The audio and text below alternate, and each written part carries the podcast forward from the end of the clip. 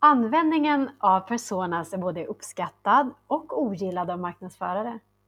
För en del är det ett bra sätt att nå en viss målgrupp, men för andra väger begränsningarna tyngre. Jag heter Maria Hagman och du lyssnar på Crescendos B2B-podd.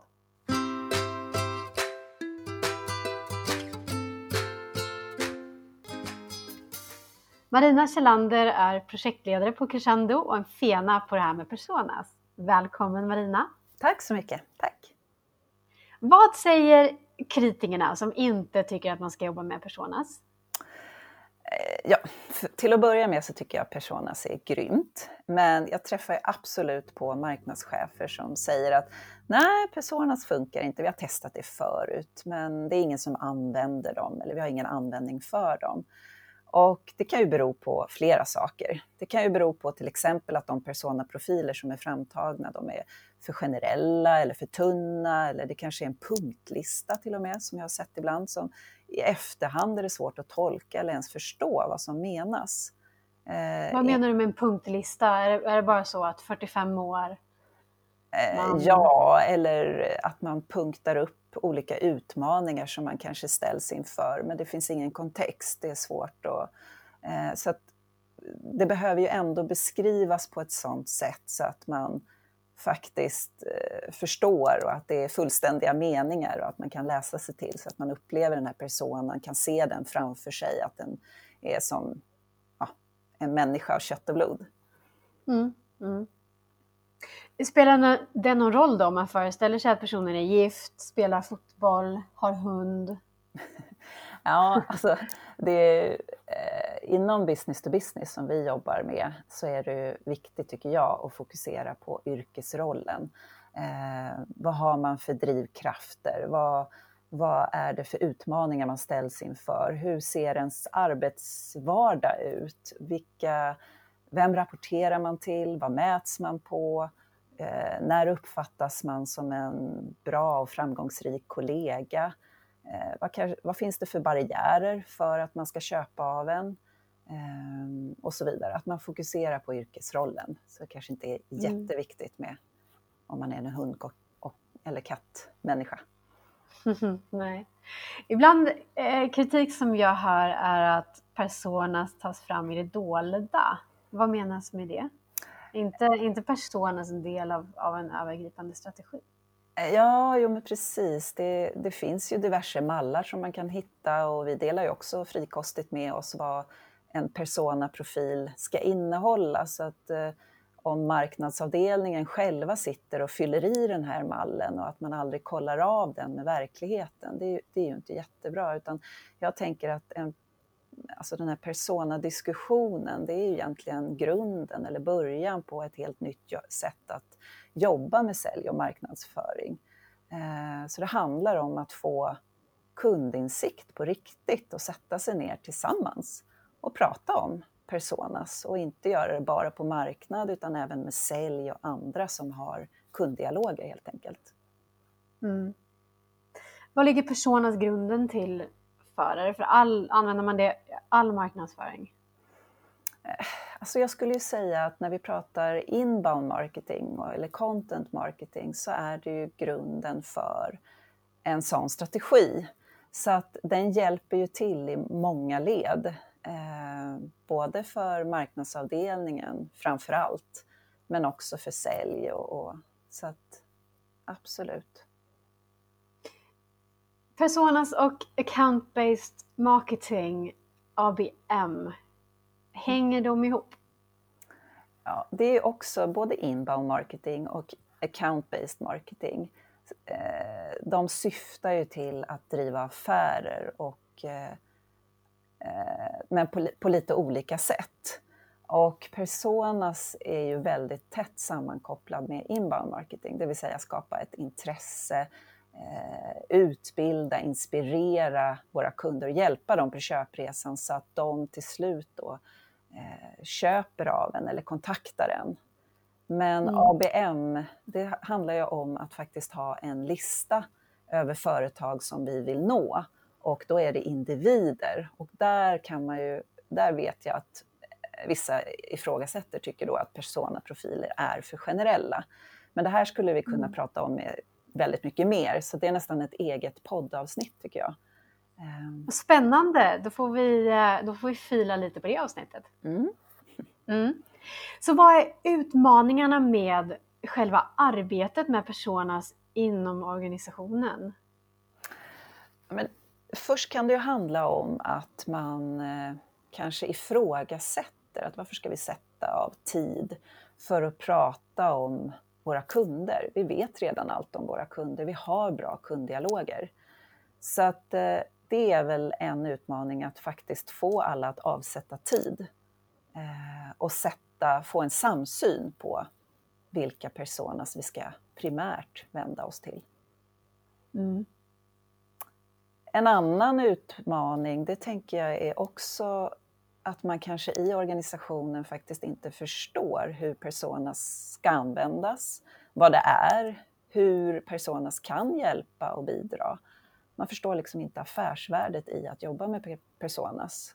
Och gör man inte det, då är det dömt att misslyckas. Så här behöver man ju utbilda eh, alla medarbetare.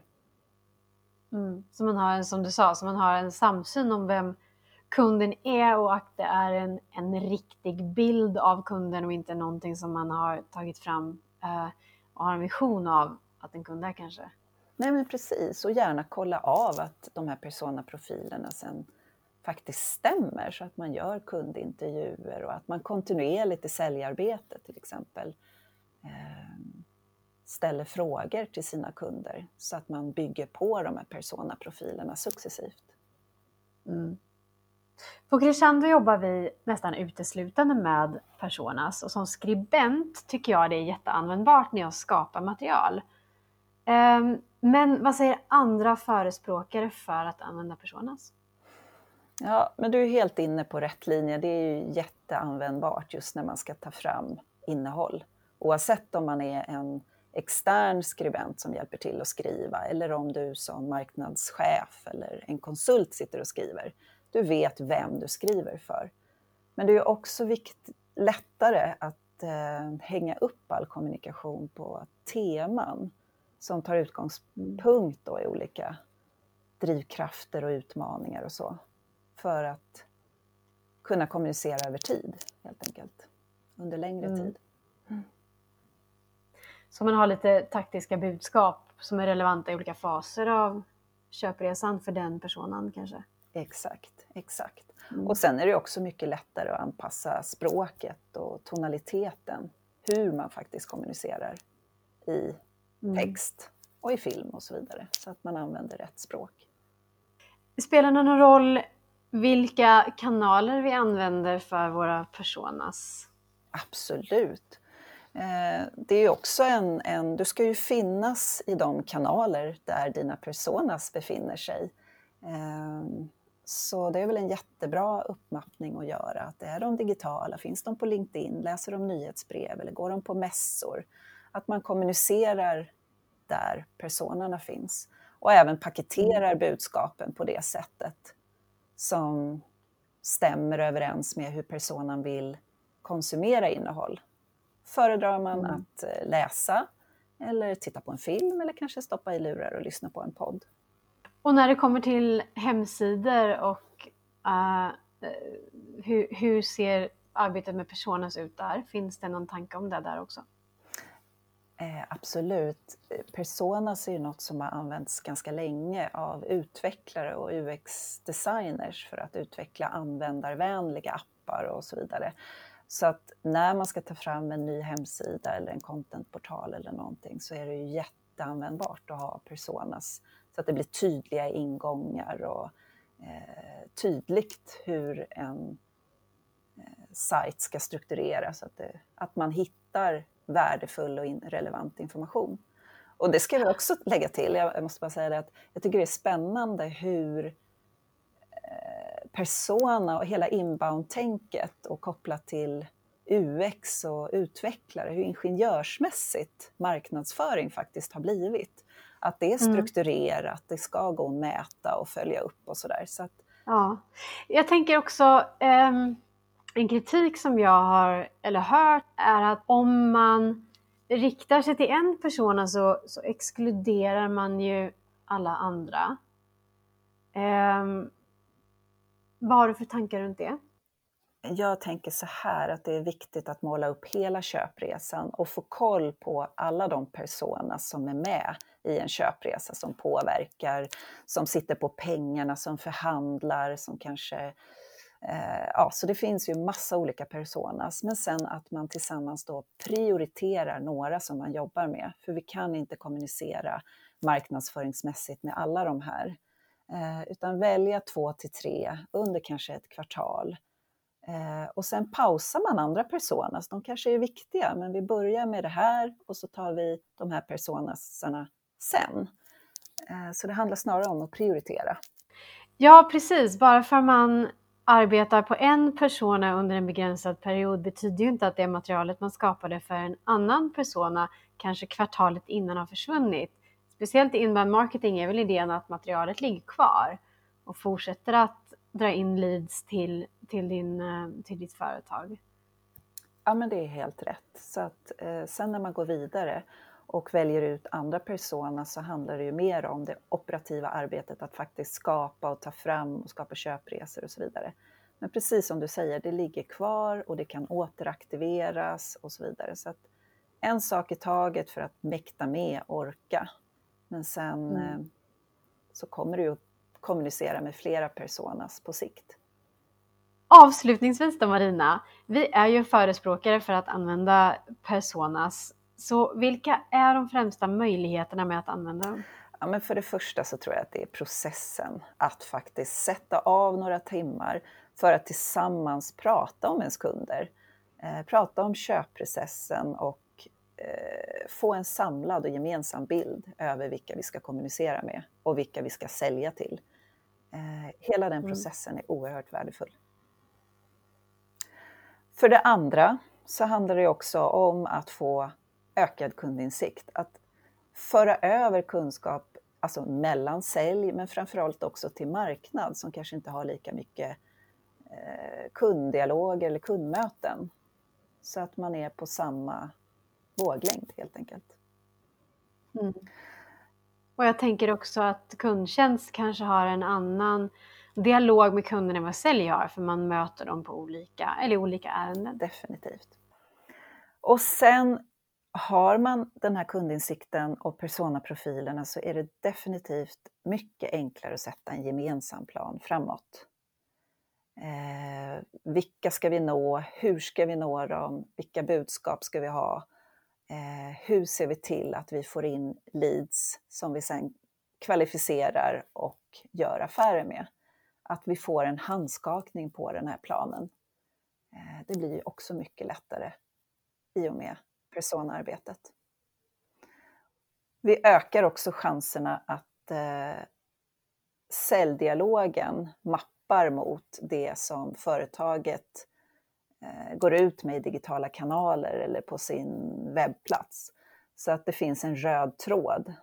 Och en bonus det är ju faktiskt att eh, det blir enklare att engagera säljarna som en marknadsföringsresurs som också kan aktivera innehållet. Så grundarbetet är det som är viktigt och det som vi pratade om i början kunde vara en, en utmaning med processen att ta fram personas. Det här att man kanske missar att utbilda internt om vad de ska användas till och man kanske missar att förankra mm. dem. Men om man tar och vänder de utmaningarna och jobbar med dem så blir det ju faktiskt en väldigt stark möjlighet till att få den här enade fronten och enade bilden av kunden eh, och en djupare kundinsikt. Definitivt, och jag tror ju det här handlar ju om affärsdrivande marknadsföring och det börjar ju med kundinsikten och personas. Så att det är 1.0 eh, och att jobba med dem kontinuerligt. Det kommer leda mm. till fler och bättre affärer.